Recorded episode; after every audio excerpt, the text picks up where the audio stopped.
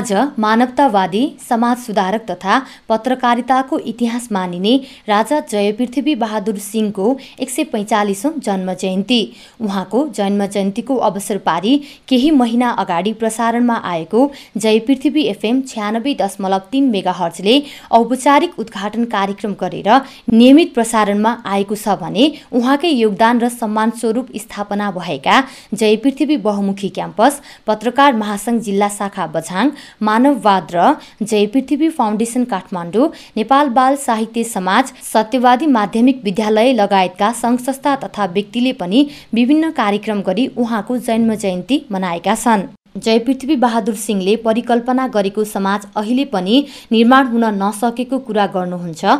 बझाङ जिल्लाका अग्रज पत्रकार तथा कान्तिपुर दैनिकका संवाददाता वसन्त प्रताप सिंह। समानतामूलक एउटा मानवतावादी समाजको स्थापना पत्रकारिता मार्फत हुन्छ भन्ने सोचेर उहाँहरूले चाहिँ मिडियाको सुरुवात गर्नुभएको थियो होला जस्तो लाग्छ। बजाङ जिल्ला उहाँको जन्मस्थल र यहाँ थुप्रै मिडियाहरू भनौँ न खास गरिकन रेडियोहरूको सङ्ख्या पनि एकदमै धेरै छ अहिलेको उसमा आएर र धेरै मिडियाकर्मीहरू यो सामाजिक रूपान्तरणका लागि भनेर कार्यरत हुनुहुन्छ। यद्यपि अझै पनि बजाङ जिल्लामा जय पृथ्वीले कल्पना गरेको उति बेलाको समाज र अहिलेको समाजमा तुलना गर्ने हो भने उति बेलाकै समाज नै समुन्नत रहेछ कि जस्तो महसुस भइरहेको छ। र यस अवस्थामा जय पृथ्वीले परिकल्पना गरेको समाजलाई यथार्थमा रूपान्तरण गर्नका लागि मिडियाको महत्त्वपूर्ण भूमिका रहन्छ। मलाई विश्वास छ जय पृथ्वी एफएमको टिम जनताका आवाजविहीनहरू कहाँ छ आवाजहरूलाई चाहिँ सरकारवाला निकायको कानसम्म पुर्याएर समाजमा भएका विकृति विसङ्गतिहरू व्याप्त विकृति विसङ्गतिहरूमाथि चाहिँ एकदम निर्मम प्रहार गरेर एउटा समतामूलक मानवतावादी समाज स्थापनाका निम्ति समृद्ध समाज स्थापनाका निम्ति जय पृथ्वी एफएमले महत्त्वपूर्ण भूमिका खेल्नेछ र बजाङ जिल्लाको विकासको लागि जय पृथ्वी एफएम एउटा कोसेढुङ्गा साबित हुनेछ भन्ने आशा लिएको छु र यस कर्मका लागि यो टिमलाई त्यो लक्ष्य प्राप्तिका लागि चाहिँ निरन्तर लागिरहने खालको उत्प्रेरणा मिलोस्। र जय पृथ्वीवासीका मानव मानवतावादी मूल्य मान्यताहरू उहाँका दर्शनहरूलाई समाजका प्रत्येक व्यक्तिले अनुसरण गर्न गर्ने गरिकन यो सञ्चारगिरीहरूले चाहिँ प्रसारण प्रकाशन गरोस्।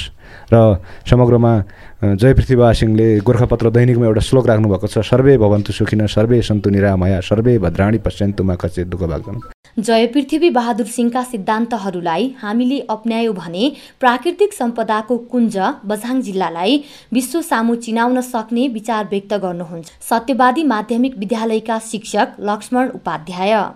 आज जय पृथ्वीको एक सय पैँचालिसौँ जन्म जयन्तीको अवसरमा यस पुण्यभूमिमा जन्म लिई विश्वलाई शान्ति र एकताको भावनाको पाठ सिकाउने सभ्यताको पाठ सिकाउने जय पृथ्वीको